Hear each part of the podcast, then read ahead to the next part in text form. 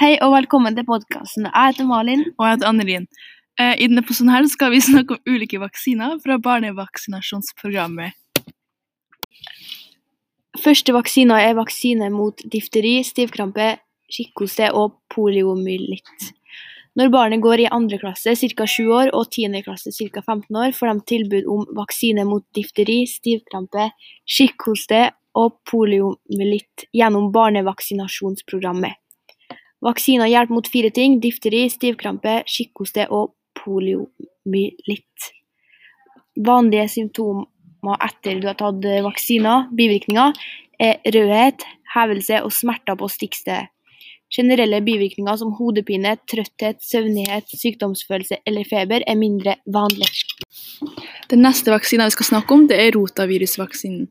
Rotavirusvaksinen er svært effektiv, og den beskytter nær 100% mot alvorlig rotavirusinfeksjon. Vaksinen som brukes i barnevaksinasjonsprogrammet, den gis som to doser. Første dose den gis tidligst når barnet er seks uker, og senest når barnet er tolv uker. Andre dose gis ved eh, tremånedersalderen og senest når barnet er 16 uker. Og beskyttelsen etter vaksinasjonen det varer i minst tre til fire år. Vanlige bivirkninger fra vaksiner det er at man har irritabel løs avføring og magesmerter som luft i magen og eh, noen gang hudreaksjon.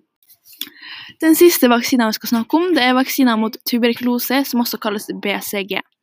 Opp mot 80 av de vaksinerte de får beskyttelse mot tuberkulose. Beskyttelsen den utvikles 1-3 måneder etter vaksinasjonen, og den er langvarig. Det anbefales at vaksiner gis til spedbarn ved seksukersalderen. Etter vaksina vil komme et lite væskende sår på stikkstedet etter et par uker, som gror etter hvert.